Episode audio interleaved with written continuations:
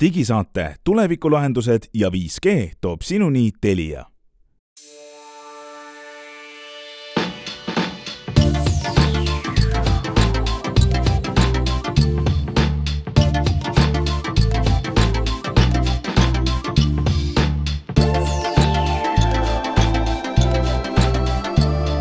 Tere, head kuulajad, kolmeteistkümnes veebruar aastal kaks tuhat kakskümmend kolm Minuta digisaade on teiega järgmiseks minutikümnendiks või tunniks.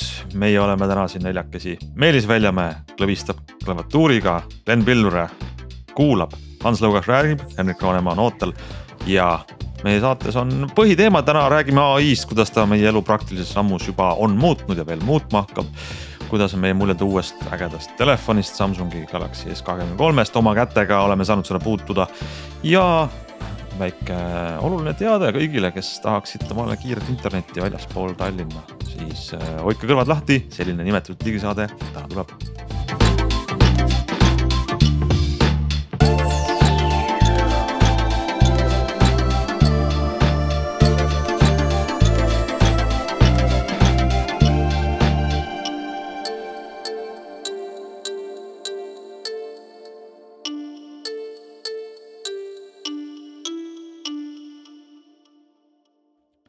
alustame siis praktilise, praktilise ja oma kogemuse jagamisega, eelmine nädal me rääkisime kogu selle Samsungi uue telefoniseeria, võtsime pulkadeks lahti, aga miski ei ole targem kui oma silm, teatavasti kuningas.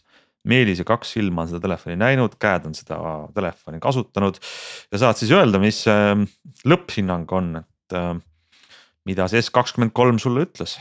lõpphinnang on nagu hetkel natukene veel töös, et ma ei ole teda piisavalt kaua kasutanud, et ma saaks öelda mingeid kindlaid asju aku kohta näiteks, aga eh,. alustame võib-olla sellest, et minu käes on siis see kõige väiksem mudel ja. ja mulle on kogu aeg meeldinud väiksemad telefonid, eh, ma olen sellest siin varem ka rääkinud ja. seda enam oli selle aasta mudel minu jaoks üllatus, sest et eh, kuigi ta on ainult punkti, koma, komapunkti võrra suurem kui eelmise aasta mudel ja täpselt sama suure ekraaniga. siis tegelikult ta tundub kõvasti suurem, kui ta tegelikult on, ehk ta ei ole käes üldse nii mugav, kui üks väiksem telefon peaks olema. ja mu igapäevases kasutuses on aasta vana või paar aastat vana Galaxy S21 FE, mis on kuuekümne nelja tollise ekraaniga ja siis see uus S23 on kuuekümne ühe tollise ekraaniga ja kui ma panen kõrvuti, siis minu tavatelefon on omajagu suurem peaks olema ebamugavam, aga tegelikult käes nad tunduvad äh, üsna sarnased selles mõttes, et ma ei tunne, et suurem telefon oleks ebamugavam käes. aga sellel väiksel on olemas kõik äh, väikse telefoni negatiivsed omadused, ehk ikoonid on pisemad, eks ole, minu valast silmad ei taha neid väga hästi näha. ehk siis teksti peab suuremaks tegema, et sellised asjad, et, et ta on nagu minu jaoks oli üllatus, ma ootasin nagu huviga, et mulle meeldivad väiksed telefonid ja vanasti eh, ma ikka kaalusin, et äkki peaks omale väiksema telefoni ostma, kui järgmiseks telefoniks asi läheb, et mitte suuremat. ja praegu mulle tundub, et selle konkreetse mudeli puhul on ikkagi see, et tal on olemas kõik väikse telefoni negatiivsed omadused ja piisavalt vähe väikse telefoni positiivseid omadusi, et seda nagu õigustada. ja noh, teine, teine asi on see, et hind on, eks see üheksasada nelikümmend üheksa eurot, mis ta praegu maksab, kuigi selle eest saab kahesaja viiekümne kuues mudel hetkel eeltellimiskampaanias Samsungil aga ta on ikkagi noh, oma kolmsada või vähemalt kakssada viiskümmend eurot kallim kui eelmise aasta mudel ja kaamerad on praktiliselt identsed, siin on tehtud küll natukene software, soft'i trikke juurde, ta teeb minimaalselt paremat pilti. tõenäoliselt me ei ole ise eelmise aasta mudeliga niimoodi üks-ühele võrrelnud, aga, aga noh, loogika ütleb ja aku on ka kakssada milliampertundi suurem, mis on noh, natuke suurem kõigil nendel, sellistel väikestel telefonidel ju häda on see, et neil on väike aku, eks ole ja siin on ka, et eelmisel oli kolm tuhat seitsesada, sellel on kolm tuhat üheksasada, et siiamaani mulle tundub, et kuna ta ise on ka pisike ja ekraan ei ole võib-olla väga suur, siis ta ei võta väga palju voolu, ehk ma ikkagi saan temaga ilusti päeva hakkama, mis on nagu selline telefonidel vajalik omadus, eks ole, sa vähemalt ühe päeva hakkama saaksid. aga kas seal ei ole nagu midagi sellist, mis ähm, mis paneks nagu mind soovitama seda ja mitte panek, mitte soovitama eelmise aasta mudelit ja kui me vaatame neid omadusi, eelmise aasta mudel on käes mugavam äh, kõvasti odavam, eks ole, siis võib-olla võiks öelda, et hoidke raha kokku, kui teil on väikest telefoni vaja, siis ostke hoopis S22. et väga-väga ähm, sarnane ja teades Samsungist, siis nad ka vanematele mudelitele ikkagi pakuvad päris mitu aastat veel tarkvara tuge, eks ole. et mina olin nagu selle koha pealt üllatunud, kaamera puhul on huvitav see, et äh, kui siin mõni aasta tagasi tegi Samsung siis hästi neoonvärvides pilte, siis äh, nad vahepeal tõmbasid seda tagasi. Nad ei olnud nii üle satureeritud värvidega ja see S21 FE, mis mul on, teeb nagu üsna naturaalseid pilte. siis äh, see telefon jälle teeb jällegi noh, punane on ikkagi sihuke tugevalt neoonpunane, nii et vähemalt nende piltidega, mida mina tegin. et ega võib-olla see ongi see tehisintellektiga parandamine, mida nad teinud on, et jälle tagasi nagu selle sellise ülepakutud värvide suunas. Et ka see ei ole nagu võib-olla väga suur edasiminek, et ähm, noh üldiselt minu, minu tunnetus on see, et kui te väikest telefoni otsite, siis võib-olla S22 või, või Asus Zenfone üheksa oleksid hetkel paremad valikud, eriti arvestades, ta maksab pea tuhat eurot. see on muidugi väga huvitav, mis sa räägid, et äh, ma ei ütle, et sinu see hinnang, vaid kogu selle telefoni mm, turu seis on siis selline, et kuue koma ühe tolline telefon on nüüd väike. Et te otsite väikest telefoni, et see on naljakas, aga, aga see on muidugi huvitav, et sa ütled, et ta ikkagi tundub nagu. ta tundub suurem kui... ta võiks olla, sest eelmise aasta mudel mulle tundus nagu käes väiksem kuigi see vahe, ma ütlen, see on mingi null koma neli millimeetrit on tegelikult füüsilise suuruse vahe, aga ilmselt on see, et ääred on just... kandilisemad. Äh, kõrguse vahe on null koma kolm millimeetrit ja laiuse vahe on null koma kolm millimeetrit. just, nii et noh, väga olematu vahe tegelikult, eks. ja kaaluvahe on üks gramm, nii et sul on mm, -hmm. ütleme sellised äh, kirurgi silm ja käsi, ma ütlen ja apteekri kaal on su käsi, et sa tunned seda ma ei, ma ei oodanud ise, et see vahe nagu nii tugevalt tuntav on ja loomulikult no., kui me rääkisime siin mõni saade tagasi sellest äh, viimasest alla kuuetollisest Samsungist ehk siis Galaxy S10e, siis see oli käes ikkagi väga-väga mugav, eks Hendrik mäletab seda kindlasti, et äh, sellega võrreldes. kuigi see suuruse vahe on väga väike, on see telefon kuidagi kõvasti ebamugavam. ma olen viimase kuu aja jooksul saanud palju küsimusi või noh, kuidagi mitu korda on küsitud, et soovite ühte head väikest telefoni ja ma olen vaadanud nii odavaid, keskmise hinnaga kui kalleid ja kõik on kuuetollist ja suuremad. ja, ja ei oska mitte midagi soovitada. iPhone SE on hea valik, muide Meelis, ma elasin midagi sellist läbi, aga teises suunas võib-olla, siis kui ma vahetasin oma iPhone'i. et ma olin mitu aastat ütleme iga päev ja kokkuvõttes ma arvan võib-olla isegi paar tundi iga päev, iga jumala päev, paar tundi hoidnud käes oma iPhone'i ja siis ma ostsin selle neliteist plussi. Ja mu keha oli nii ära harjunud selle, selle kehaosaga, mille nimi oli iPhone kolmteist. et nüüd, kui ma andsin oma käele hoida suurema telefoni, siis see esimesed noh, mitu päeva tundus mulle üüratult loll mõte, et ma midagi sellist pean käes, et ta oli noh, ta oli raske ja ta, mu, mu peopesa ei osanud teda hoida ja balansseerida normaalselt ja, ja ju pöial ei saanud aru, kust tuleb nüüd seda pilti liigutada. Ja ma ikkagi paar-kolm päeva mõtlesin, et selle, see telefon läheb nüüd kohe Amazoni tagasi, otsisin juba karbi välja ja mõtlesin nii. ja siis mingil hetkel täiesti ootamatult äh, vist mu keha harjus ringi ja nüüd ma võtan seda iPhone plussi kätte ja mulle tundub, et see on maailma kõige parem telefon ja ma elu sees ei taha väiksemat, nii et äh, et üks asi on, ma arvan, et see tundumine ongi hästi palju seotud sellega, et me oleme nii hirmus harjunud mingit teatud asja oma peos hoidma, et meie see.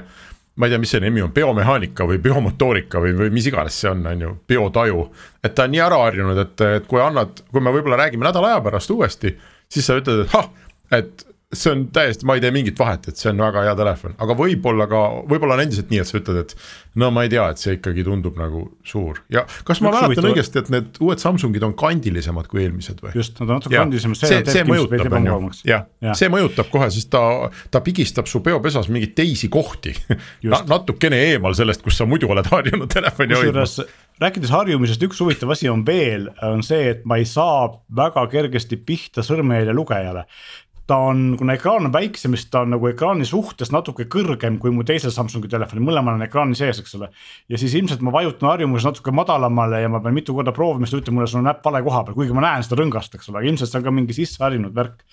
aga noh, samas kui me räägime sellest, et telefonid, väiketelefonid kuus tolli, siis noh, kuulajad ei näe, aga ma panen siia kõrvuti eh, kaks telefoni, mis on mõlemad kuus tolli. et see vahe on siin umbes sihuke sentimeeter võin, võin öelda. vana Huawei tänu sellele, et Samsungil ei ole enam äh, ääri, eks ole, ja see Huawei'l on veel üleval all on siin päris korralikud ääred. siis tegelikult äh, see sama kuue, see on kuus koma üks on Samsung ja see Huawei on veel kuus null, eks ole, veel isegi väiksema ekraaniga. aga ta oli omal ajal ikkagi kõvasti suurem füüsiliselt, ehk siis tegelikult selle arvelt ongi ju saadud panna suurem ekraan väiksemasse korpusesse, et need raamid on väga õhukeseks läinud Jaa. sellepärast me ei näegi väikseid telefone. ja jah muidugi ja aga no vaata tarbijana sul peab olema hea meel, et sa saad äh, sama raha eest rohkem ekraani aga... ja väiksem, vähem, vähem korpust, mis on väga Just. positiivne. aga minu jaoks oli üllatus see, et, et ma kogu aeg mõtlesin, et see kuue koma nelja tolline Samsung, mida ma praegu kasutan, äkki see on natuke liiga suur ja äkki ma tahaks väiksemat. Nüüd, kui ma kõrvuti panen, siis tegelikult mulle tundub, et mugavuse, kasutusmugavuse poole pealt ei ole vahet, aga suure ekraani eelised tulevad selle suure puhul mul välja, nii et pigem võib-olla ei olegi pointi väiksemat mina olen ka muide väga nüüd selle plussiga ikkagi seda meelt, et ma saan aru, inimesed ei osta seda või no mingid kuulujutud on, et umbes Apple'il see müük ei lähe nii hirmus hästi.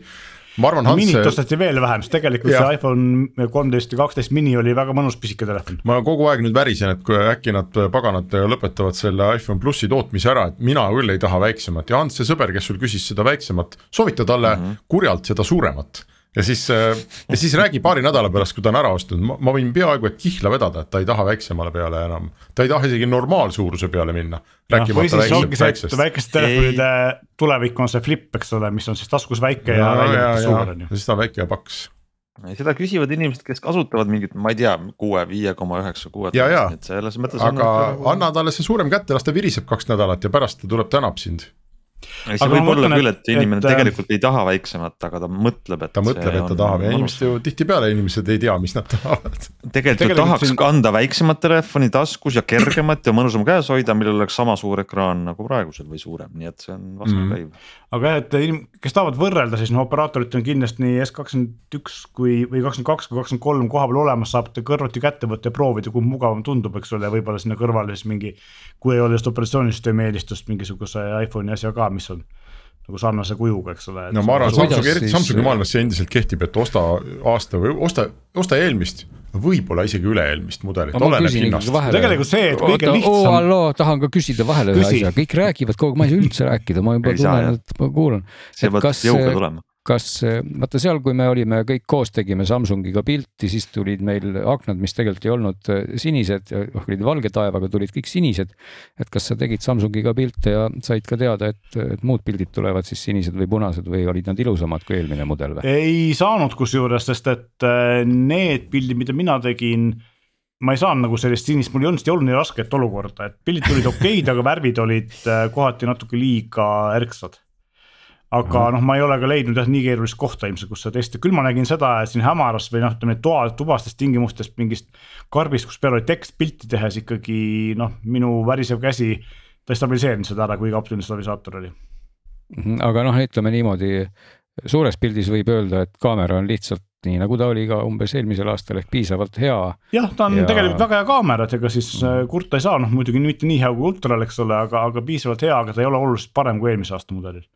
ja, jah, et selle koha pealt mingit väga suurt erinevust tulnud, kas teine asi oli aku vastupidavus, kas see kuidagi moodi üllatas ka või oli no ma olen nüüd seda näha? kasutanud kaks täist päeva ja no mõlemal päeval ma olen saanud hakkama niimoodi, et ma ikkagi hommikust õhtuni saan ilusti hakkama, et ma jääb isegi paarkümmend, kolmkümmend protsenti alles, kui ma väga intensiivselt ei kasuta, nii et tegelikult äh, kas see pisike aku töötab minu jaoks piisavalt, aga noh, võib-olla mõne teise jaoks mitte, et teisel telefonil on mul nelja tuhande viiesaja milliampine aku ja ma ei ütleks, et see vahe oli minu jaoks tohutult märgatav, võib ka olla see, et uuel telefonil on lihtsalt äh, ei ole ta nii väsinud ja teiseks on võib-olla mingeid äppe, mis seal nii-öelda lollused teevad, on vähem, eks ole.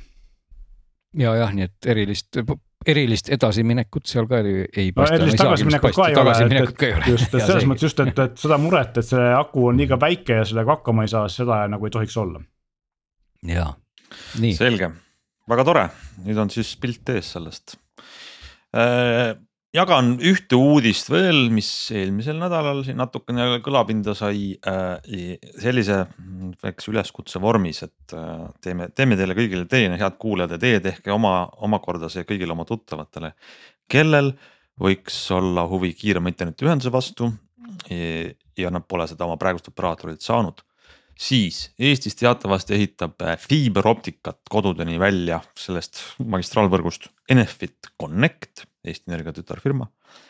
ja kes nüüd siis eelmisel nädalal pais välja jälle oma kaardi sellest töödest, mis see aasta tehakse ja kuhu kõikjale mm, uued aadressid saavad siis võimaluse liituda fiiberoptikaga. siin on äh, head kokkuvõtet ei ole, kaardi peal on väga palju rohelisi täppe asulates alates äh,, ma ei tea, Saaremaa läänerannikust kuni Petserini välja peaaegu ja Narva jõe suuni üle Eesti.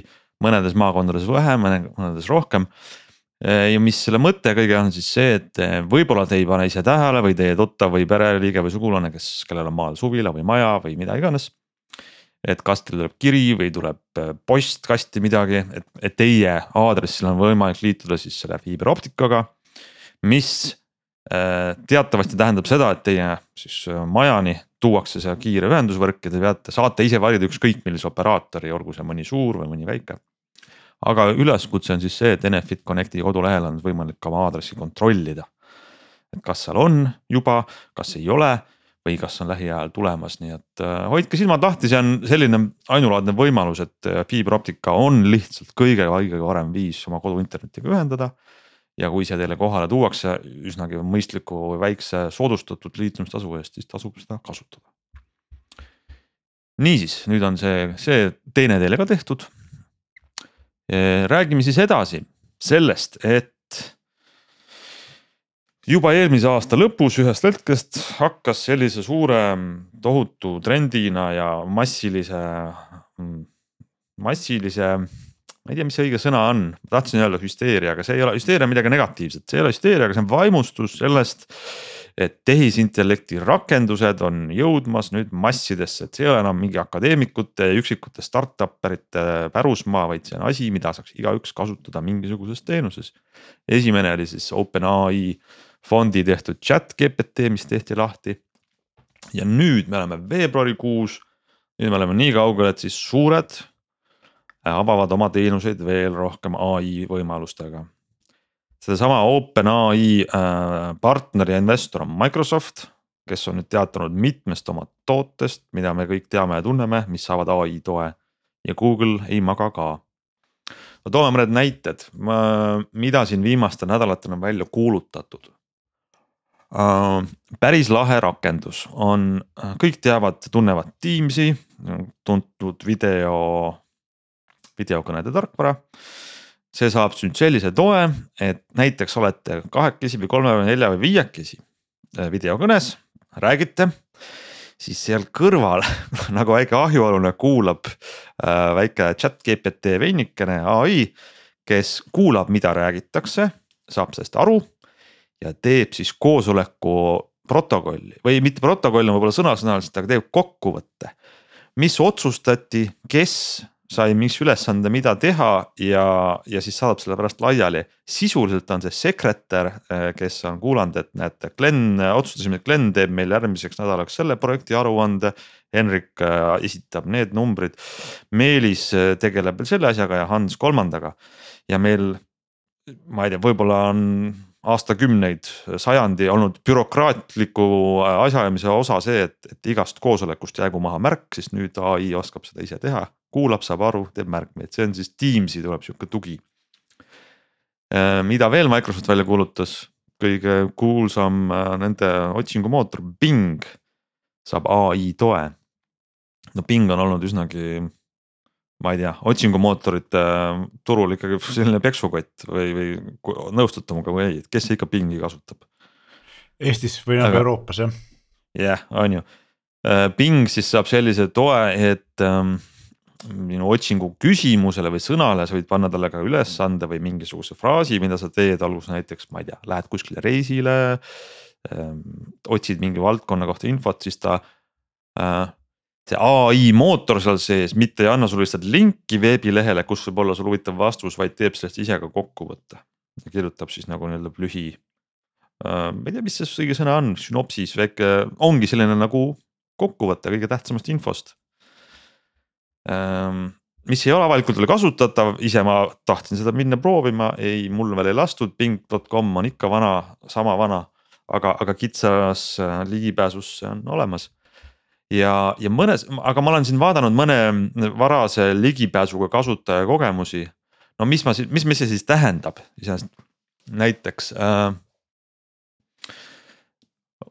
ta sisuliselt kirjutab sulle sihukese artikli, mida praegu internet täis. Äh, noh, ma ei tea, inimeste, inimeste kirjutatud siukseid kokkuvõtteartikleid, aga seda tehakse siis lennult. sa paned otsingusse mitte otsingusõna, vaid lauküsimuse. millist autot ma võiks endale osta, kui ma tahan nelikveoga ja mis kiirendab nullist sajani alla kuue sekundi. et sa paned nagu mingit spetsifikatsiooni näiteks mingile autole ja siis muidugi on otsingu tulemused, aga kõrval äh, siis on ai kirjutatud no ütleme nelja või kolmelõiguline selline kokkuvõte, et jah, et see on väga spetsiifiline mudelid, mida sa otsid, praegusel turul on sellised. Äh, nende näitajad, hinnad on need, äh, vaata neid linke. Mis siin veel oli, näiteks äh, mingi reisimisega seotud näide Äh, lähen reisin sellisesse piirkonda, mis sa soovitad mul teha. Ja võib-olla on internetis olemas selline mingisugune reisiblogija juba nagu teinud artikli, aga kui ei ole, siis sulle lennult tehakse vastuseks siis selline äh, lühike ülevaade koos viidetega.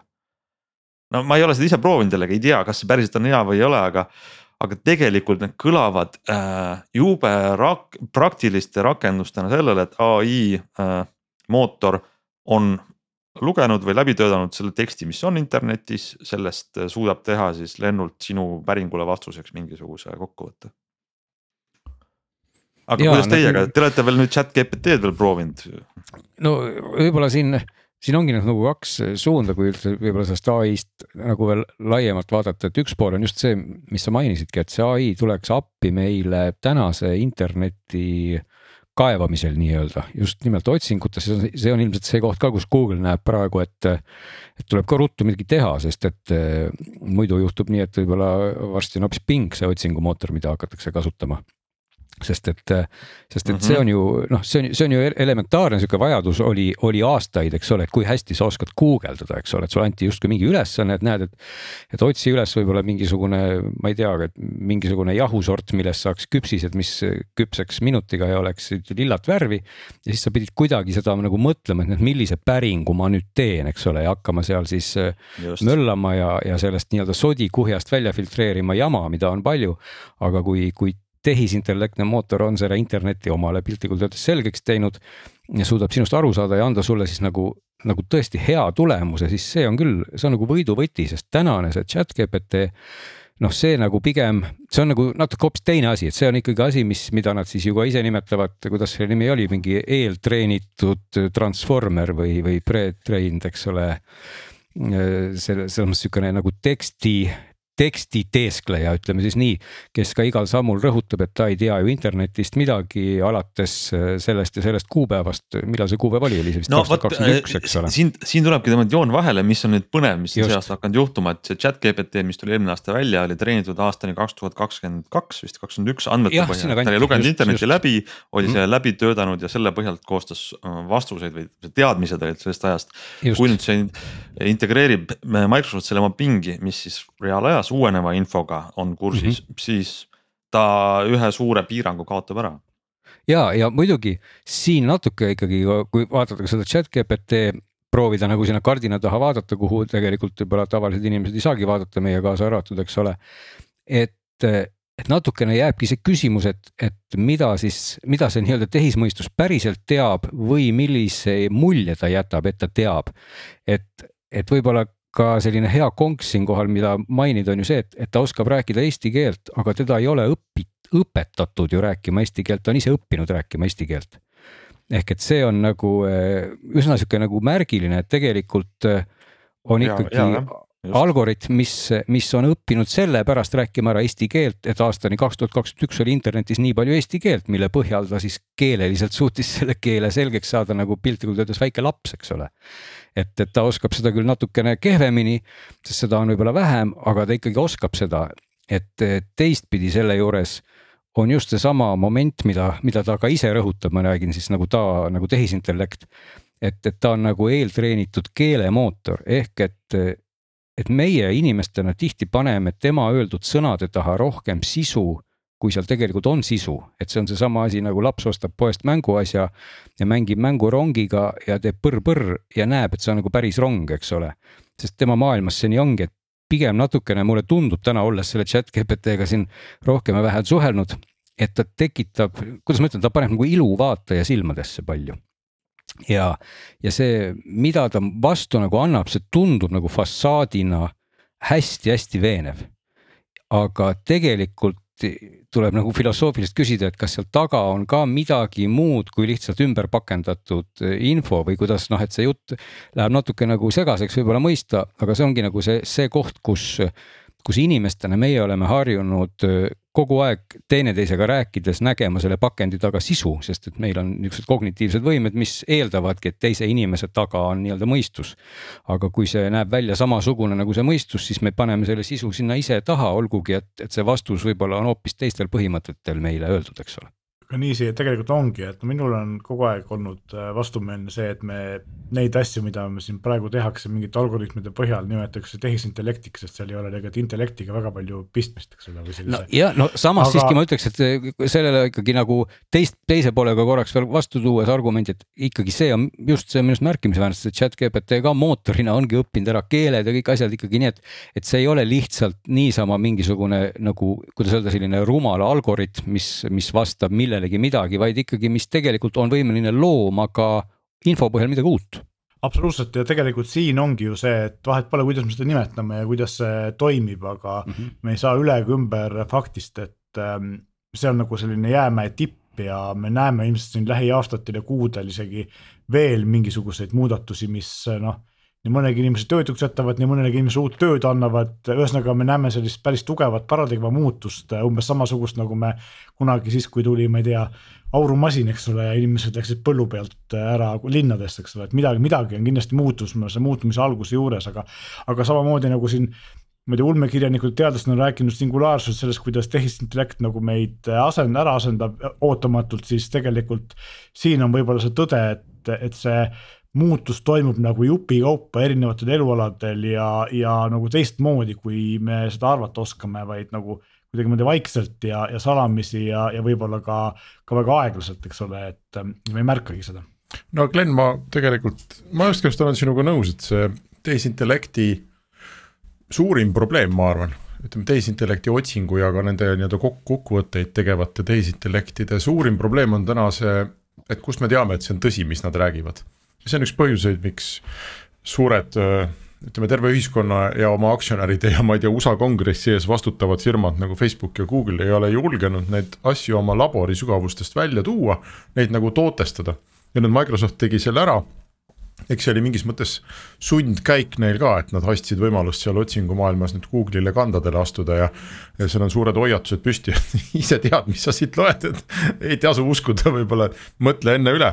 aga teistpidi see, mis sa nagu ai-le ette heidad, et et kus me teame, kas ta ajab lihtsalt sooja õhku välja või on seal mingi mõte ka.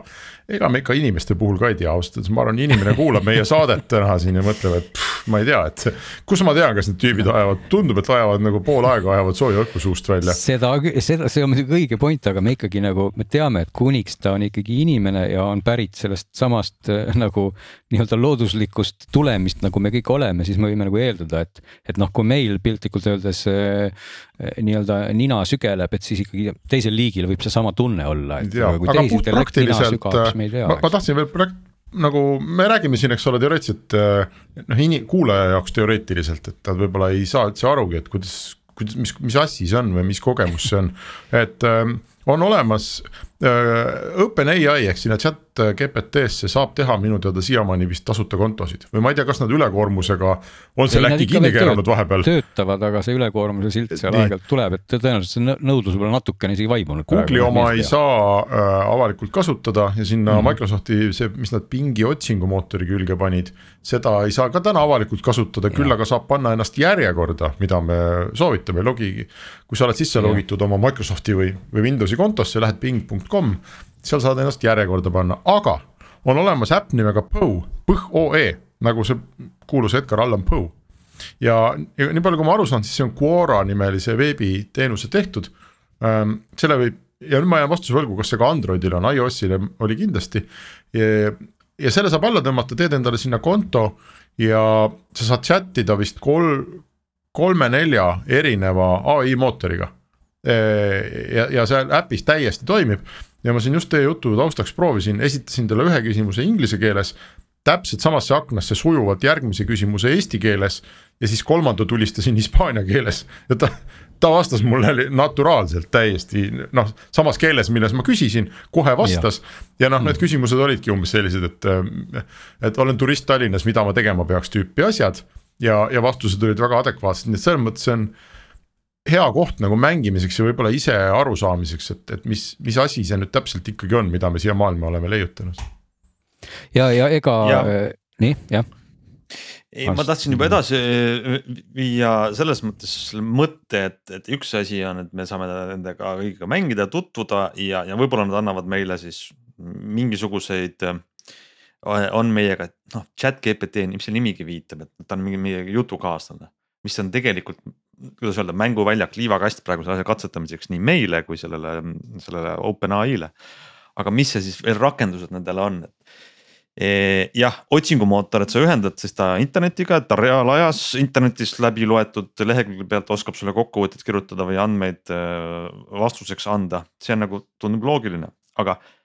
mida Microsoft edasi teeb, me täpselt veel ei tea, aga mõtleme selle peale, mis on üks võib-olla kõige, kõige tuntum pikaajalisem Microsofti selline kasutajatoode kui sa teed lahti Office'i teed lahti Wordi ja sul on tühi leht ees.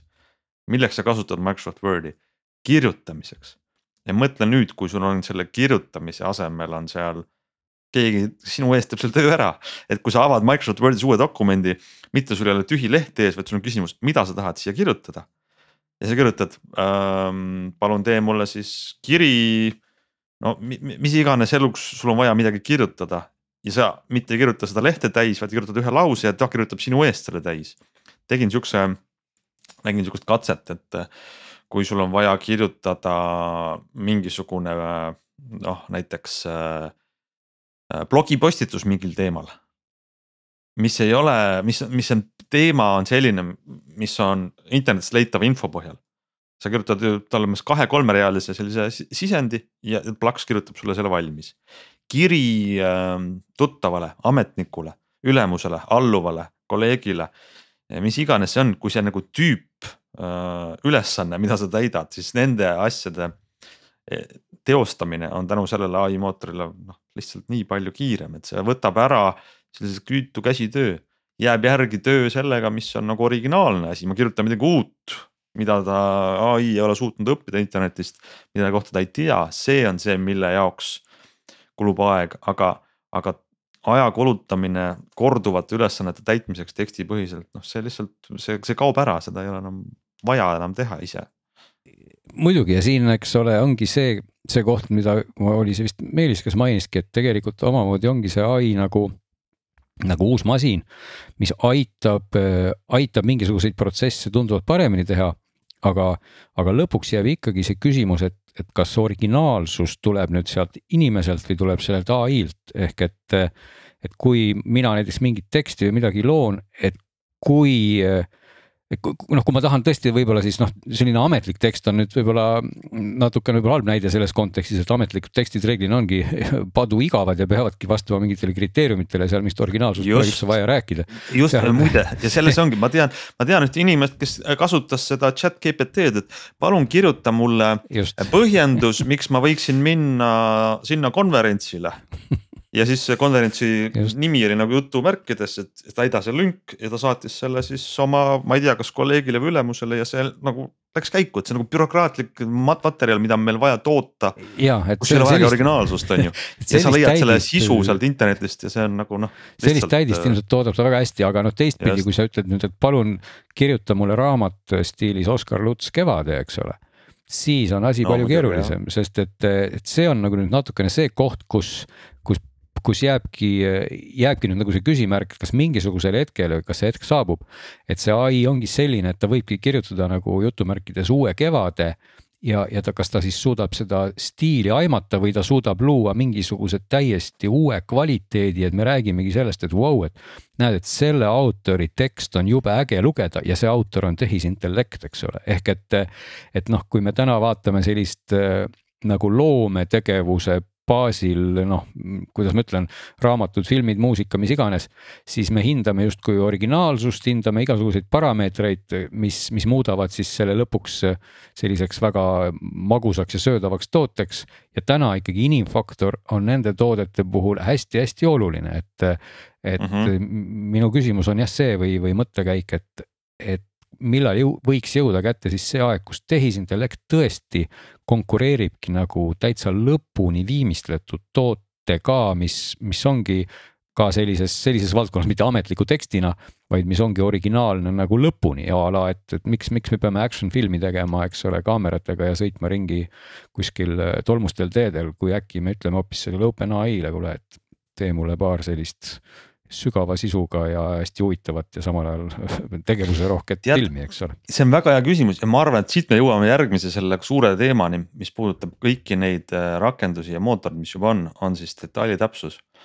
ehk kui sa räägid äh, näiteks mingit loomingust, siis lõpuks seal iga detail loeb, et, et olgu see äh, novell, film, muusika, mis iganes, et, et see detailid kokku saab tervik. ja kui me vaatame praegu neid rakendusi, siis on see, et et tihti see ai mootor no kuidagi lihvib need teravad nurgad ümaraks. vägagi ja sest sealt tuleb ja, nagu just, üsna tasapaks just, toode kogu aeg praegu välja, eks ole. just ja siin on mingid näited noh, et ähm, üks selline esimene küsimus oli, et kas juba haridusvaldkonnas see nagu muudab esseede kirjutamise mõttetuks, eriti inglise keeles, et noh, osaliselt jah. ma lugesin ühe õppejõu siis ühest ingliskeelsest ülikoolist õppejõu sellist kokkuvõtet, kuidas ära tunda Äh, et tal oli vist kolm nädalat kestnud semester ja ta oli juba saanud ühe chat GPT-ga tehtud essee. et see mhm. tunneb ära selle põhjal, et ta on alati selline äh, mm, kuidagi väga hästi voolav, aga ümar tekst tal ei ja. ole kunagi trükivigu, nagu on äh, päriselt ja. üliõpilastel. ja tihti napib ka selliseid ähm, originaalseid tsitaate või mm -hmm. äh, näiteid. ehk et on midagi, on sel-, üldjuhul sellised näited või tsitaadid, mis on internetis väga lihtsasti leitavad aga kui sa küsid, et noh, et kas sa, kas sa tegid selle siis päris mingi allikmaterjali põhjal, et too viide, siis, siis nagu tavaliselt seda ei ole mm. -hmm. teine asi on um, üks väga lahe sait on, ma ei teagi, kas, kas, kes meist selle leidis, aga, aga see on use vacay. mis on siis, ongi nagu kasuta nagu vacation, vacay.com mis on siis selline chat GPT-ga toega nagu sinu reisi reisiagent. Mhm. vanasti oli sihuke amet, siiamaani vist on reisibüroo, travel agent, reisiagent. kui sa siis küsid talt, et ma tahaksin minna näiteks sinna sihtkohta, pikk nädalavahetus või nädalane reis Islandile või parimad restoranid Pariisis.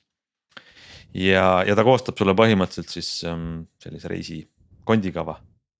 aga see on jällegi see detaili täpsus et mina ei usaldaks sellist reisikava, mida ta koostab ja see tundub nagu ta teeb selle kiiresti, täpselt, ta on üsnagi nagu abivalmis. ma ei usaldaks selle järgi reisile minna ilma kõiki fakte üle kontrollimata.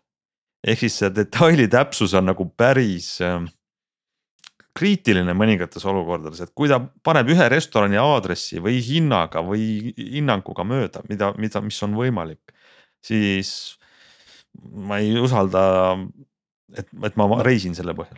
nojah, see ongi seesama, sama koht, mis eespoolt käis juba ka Henriku jutust läbi, eks ole, et, et ega täna, kui ka selle chat GPT-ga rääkida, siis ta on võimeline sulle nii-öelda niimoodi valetama, et suust ei tule mitte kübetki suitsu.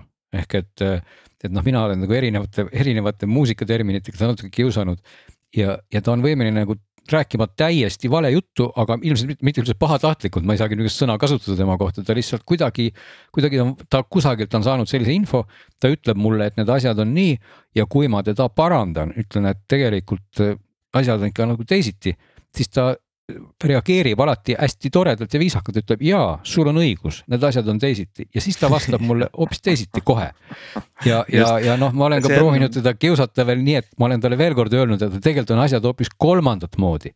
ja siis on ta vastu vaielnud, öelnud, et ei, nad ikka ei ole kolmandat moodi, et nad olid ikka teistmoodi, sest sa ütlesid, et nad teistmoodi, et, et seal on nagu tore vaadata, kuidas see algoritm on nagu natuke niimoodi nagu vingerdab, aga samas on ta võimeline andma mingil ajal nagu noh, nagu täielikku soga ajama, eks ole, mis puudutab siis nagu sellist faktiteadmistel baseerivat asja. ja et, siit no, saavad, saavad kokku see, et esiteks ta faktidega eksib ja teiseks ta mm, vaikimisi mm, selline see, see kõnestiil on, on enesekindel ja selge, mis on Väga väga, hea otsus. Aga see on väga hea otsus, sest kui sulle ajaks sihukest ebamäärast juttu see, see mootor, sa usaldaks teda veel vähem, on ju. no ma Ei, ei no tea, jah, aga võib-olla no ütleme, et võib-olla praeguses kontekstis natukene noh, tänases faasis on see selline, jääb kohati nagu mulje, nagu ma suhtleks sellise ülisõbraliku jutuka hulluga, kes on võimeline nagu väga hästi vormistama oma mõtteid, aga kes nagu kohati lihtsalt ajab nagu täielikku lausjama, aga ta teeb seda väga veenvalt, ta teeb seda väga hoogsalt. ja, ja ta on alati ka väga rõõmsasti nõus tunnistama, et see läks pahasti, et selles mõttes, et see ei Jah, ole nagu on see, jah. et ta on kuidagi, jääb kinni ja ütleb, et oi, et mul on õigus. ei ole nii, sa ütled, kui sa näed, et, et sul on õigus, aga võib-olla see on sellisesse detaili muidugi takerdumine, mis on nagu, nagu tänase päeva noh, lihtsalt, et see on see koht, kus hetkel see, see asi on, eks ole. no, no siin on tegelikult see, et, et see õppemoment on seal ju väga noh, keeleõppe mudel, et ta ka õpib sellest interaktsioonist. ja, ja enesekindlus nagu jällegi viitab sellele, et, et, et me ei saa võtta seda enesekindlat vastust nagu tõena, on ju, noh, siin oli levinud näide oli see, kui pa- paluda chat GPT-l lahendada võrrand kolm X-i pluss neli võrdub üksteist ma ei tea, mitmendas klassis seda õpitakse, et sa viid nelja nagu teisele poole seda võrdusmärki. ja saad siis teada, et eh, kolm X-i on, võrdub seitse Mhm. ehk siis sa jagad seitse kolmega ja vastus on midagi kaks koma kolm. millele tema vastab automaatselt kohe, et X võrdub kolm, et ta, ta teeb midagi on valesti, tal on selle võrrandi tõlgendus on midagi valesti. ehk või talt paluda, kuidas võrrand lahendada, siis ta annab sulle võib-olla õige selle lahenduskäigu aga numbritega mingil hetkel eksib mm. -hmm. ehk siis ähm, jällegi selle keeleõppemudelis ta on noh, hämmastavalt äh, kiire ja hämmastavalt täpne, no, jäljendama inimsuhtlust. just, küll aga see... tema fakti täpsus on no, vaat, see, mida ei saa see, see usaldada. ongi, see ongi tegelikult natuke seesama koht, kuhu ma tahtsin ka jõuda, et, et, et võib-olla hi- vaatame üldse nagu valet asja vales kontekstis ehk et, et see konkreetne mootor ongi tegelikult keeleliselt, ongi nagu see fassaad kogu aeg.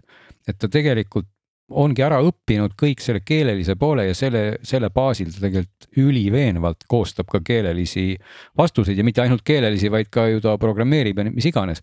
aga, aga ongi see, et sealt taga, et seda ilu on nagu mitte tema, tema taga, silmade taga, vaid just nagu vaataja silmade taga ehk et, et, et, et see on see sisulise nagu sisulise katte võib-olla puudumine, aga teistpidi, kus ikkagi tõesti ta on, on väga veenev ja noh, on, ongi mõnes mõttes selline õppeprotsess või nõustaja, et no ma ise siin proovisin noh, mingeid väikseid mm. -hmm. koodijuppe kirjutada, programmeerida.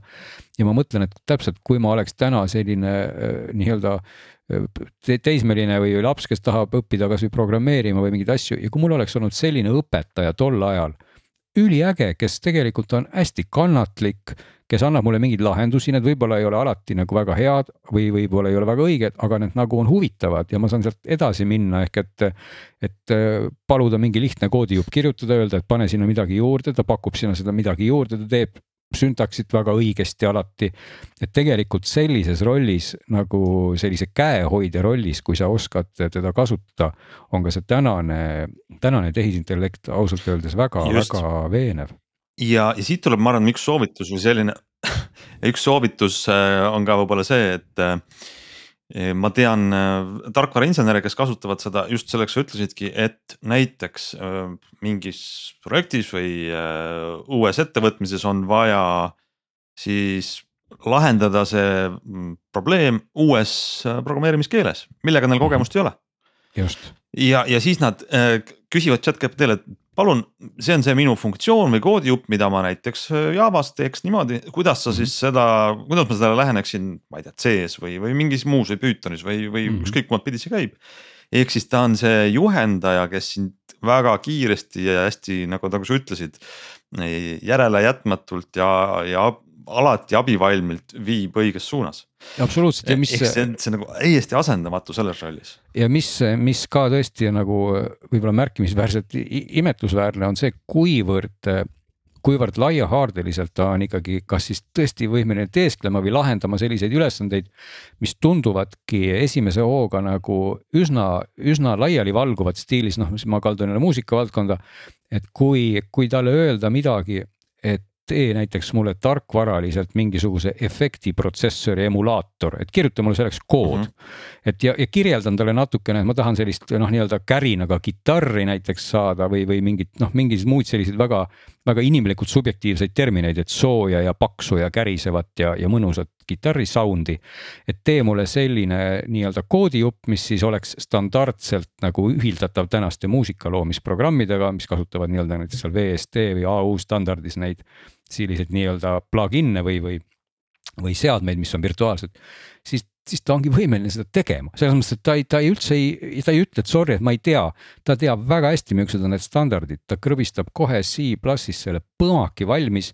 ja tõepoolest, noh, ma nüüd ise nii sügavuti ei läinud, et ma oleks hakanud kohe seda testima, proovima, vaatasin siin ühte ühte videot, kus teda nii-öelda proovile pandi. Ja tõepoolest ta oligi võimeline genereerima siis sellise koodi, mis tegi siis kärinaga kitarri sound'i, kui ma seda juppi kasutasin. Ja kui see kärin oli isegi natuke noh, ta ei olnud küll väga hea omavahel öeldes, aga seal sai ka edasi kiusata ja öelda, et tee see natuke paksemaks ja tee see, tee noh, et, et terminid, mida kasutati, olid tegelikult nagu väga inimlikud ehk et. ehk siis see, see, mis, ehk siis see mootor teeb, et ta tõlgib sinu kirjalikud ja. juhised äh, selleks et muusika no, sünteetiliseks alg-, nendeks. nagu, nagu tõlgib minu juhised tegelikult puhaks, puhtaks koodiks, noh, selles mõttes, et, et kui keegi tuleb minu juurde täna ja ütleb, et kuule, et see sinu kokku miksitud lugu on natuke õhuke. et, et pane sinna natukene juurde soojust, eks ole, siis mul ei ole ju kusagil arvutis ega puldi peal nuppu, kus peale oleks kirjutatud õhuke ja soojus on ju. et, et selliseid nuppe ei ole olemas, ma pean teadma, et näed, ma nüüd keeran mingeid sagedusi siit ja, ja ma võib-olla teen midagi sealt ja ehk et see on see koht, kus inimmõistus nagu lööb selle laiali mingiteks faasideks. Ja imetlusväärne on see, et, et, et täna siis seesama OpenAI chatGPT suudab sedasama terminit laiali jagada ka juba nagu programmeerija vaatena, eks ole, et mm. -hmm. et ja, ja selle on ka ta justkui ju ära õppinud siis nii-öelda internetis Just. ringi kolades ja, ja see on jälle üks õppetund, et ehk siis ähm, asi ei ole selles, et chatGPT vastab meile inglise keeles meie küsimustele, vaid ta õpib ära äh, keele ja, ja vastab selles keeles, mida me palume. olgu see ja. eesti või inglise või C või Java või midagi muud. ja, ja, ja minu arust, ma arvan, mis see kõige tähtsam nagu, mida peab sellest kõigest nagu kaasa võtma, on see, et meil tuleb äh, õppida neid juhiseid andma. Neid prompte kirjutama. mida me tahame saada mm. -hmm. just, sest et see võib olla nagu sina kirjutad muusikast ja, ja oled sa bürokraat või oled sa blogipostituste kirjutaja või kop, ma tean copywriter'id, kes, kes mängivad sellega. ehk siis sul on vaja, see on nagu võib-olla uusaasta lubadus aastaks kaks tuhat kakskümmend kolm ja järgmiseks kümnendiks. meil on vaja õppida aru saama, kuidas meie äh, elualal äh, see ai võiks olla kasulik ja andma talle siis neid prompte, et ta oleks meile kasulik. ja igatahes ja siin siin ikkagi ka ma kuidagi tahaks korraks veel sedasama valdkonda nagu rõhutada, et, et nagu koht inimestena, mida me hindame, on ikkagi justkui inimeste loodud materjal või, või siis noh, ma ei tea, kas looduse loodud materjal, aga põhimõtteliselt sellise, sellise orgaanilise võib-olla asja loodud materjal, milles me siis näeme sellist noh, mingit sära või ootamatust või mida iganes. et küsimus ongi selles, et kas, kas me täna nüüd siis seda tehisintellekti kasutades saame luua paremat ja ägedamat materjali või kiiremini. või juhtub siis tõepoolest see, et, et, et ma ei tea, minul võib-olla tarbija jaoks ei ole üldse vahet, et kui mulle meeldib mingisugune muusikastiil, mida ma taustaks kuulan siis miks ma peaks tahtma, et see taustamuusika on loodud siis keegi särava natuuriga inimene, võib-olla tehisintellekt teebki seda taustamuusikat äh, nagu täpselt nii, et see sobibki mulle taustaks, eks ole, et et see on natukene selline noh, sihuke filosoofilise heietuse koht, eks ole, et, et kuhu rolli see tehisintellekt nagu sobitub ja kas me inimestena oleme võimelised siis hindama midagi, mida ei ole loonud enam inimene, eks ole, et, et sest praegu ikkagi kõik see, see jutt, mida, mida me räägime ja see, see, see nagu taandub natuke selleni, et me kasutaks seda tehisintellekti nagu oma nagu tegemiste parandamisel. ehk et me justkui saame oma tegemised teha kas kiiremini või parema kvaliteediga, aga me teeme midagi, milles siis aitab meid see, eks ole. aga, aga see on just. just, ja see on see õppekoht, et ma arvan, et selline hüsteeria selles osas, mida ma tõesti nimetan hüsteeriaks, et ai äh, võtab kõigilt tööd ja teeb ise mingeid asju, et noh, sellel ei ole nagu mingit sisulist alust. alus on selles, et kui sinu kolleeg või konkurent või, või keegi suudab selle ai äh, programmi või chat GPT või, või mõne muu koha peal oma tööd teha kiiremini siis noh, sa kaotad mingi konkurentsieelise, et, et tegelikult tuleb, see on nagu ähm,. Google tuli välja oma otsingumootoriga ja sa ikka kasutasid Alta Vistat. ehk siis sa leidsid, ei leidnud ka oma internetist seda infot, mida sa otsisid, et see lihtsalt on, sa oled selle võrra aeglasem.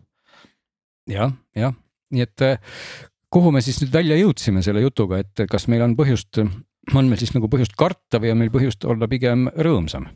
no ma arvan, et tuleb, põhjus on olla uudishimulik ja, ja otsida, et, kuidas see, olgu siis need mõned suured mootorid, mida see Google välja toob oma Bardi näol see aasta või siis Bing või Microsofti muud mootorid või see chat GPT üldisena või siis need kümned teised erialalised, nagu sa nimetasid, need muusika tegemise. ja muide, muide sellest muusikast võib-olla veel paar sõna siia lõppu, et ma vaatasin ka selle pilguga natukene ringi, et noh, et kas kas on ka siis sellist äh, muusika loomis tehisintellekti ja, ja seda loomulikult nagu selgus on nagu metsikus koguses piltlikult öeldes ehk et, et kui kedagi huvitab, noh, ma mõnega siin proovisin teha natukene ka mingit muusikat, seal on võimalik siis valida stiile, võimalik on tuua ka näiteks näiteid, võimalik on laadida üles mingeid oma oma nii-öelda stiilis asju, olgu need siis audiofailina või siis nootidena midi failina ja siis ta üritab nende baasil midagi komponeerida.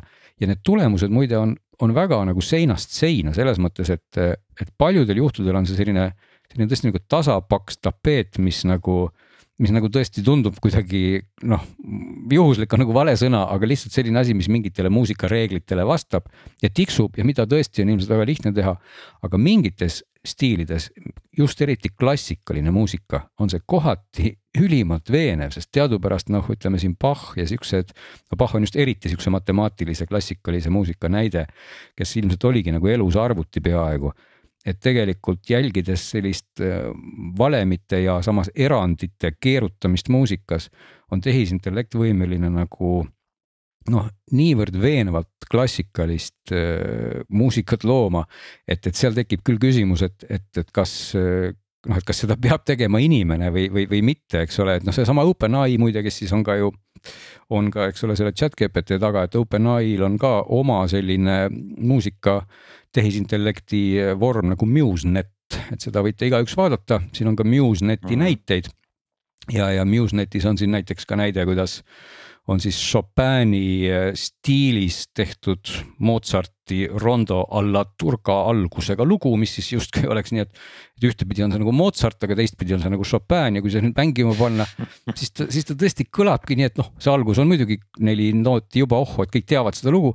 edasi ta läheb natuke nagu teistmoodi, aga see kõik on nagu nii veenev klassika, et, et see on nagu tõesti see koht, kus kus mina ka nagu küsiks, et, et miks, et see ei ole üldse halvem, tähendab, noh, et ma nagu küsikski, et miks ma peakski kuulama siis päris Bachi, kui tegelikult seesama OpenAI Bach võib mul ludistada seda muusikalist matemaatikat ette nagu täiesti lõputus koguses ja see ei ole üldse vähem veenev, ehk et, et, et muusikas natukene on seesama sama moment nagu males, et tegelikult on teatavad valdkonnad, kui me räägime nüüd puhtalt muusikast kui helide kogumist, mitte ainult kui no ma mõtlen nagu toonide kogumist, siis tonaalsuste kogumist.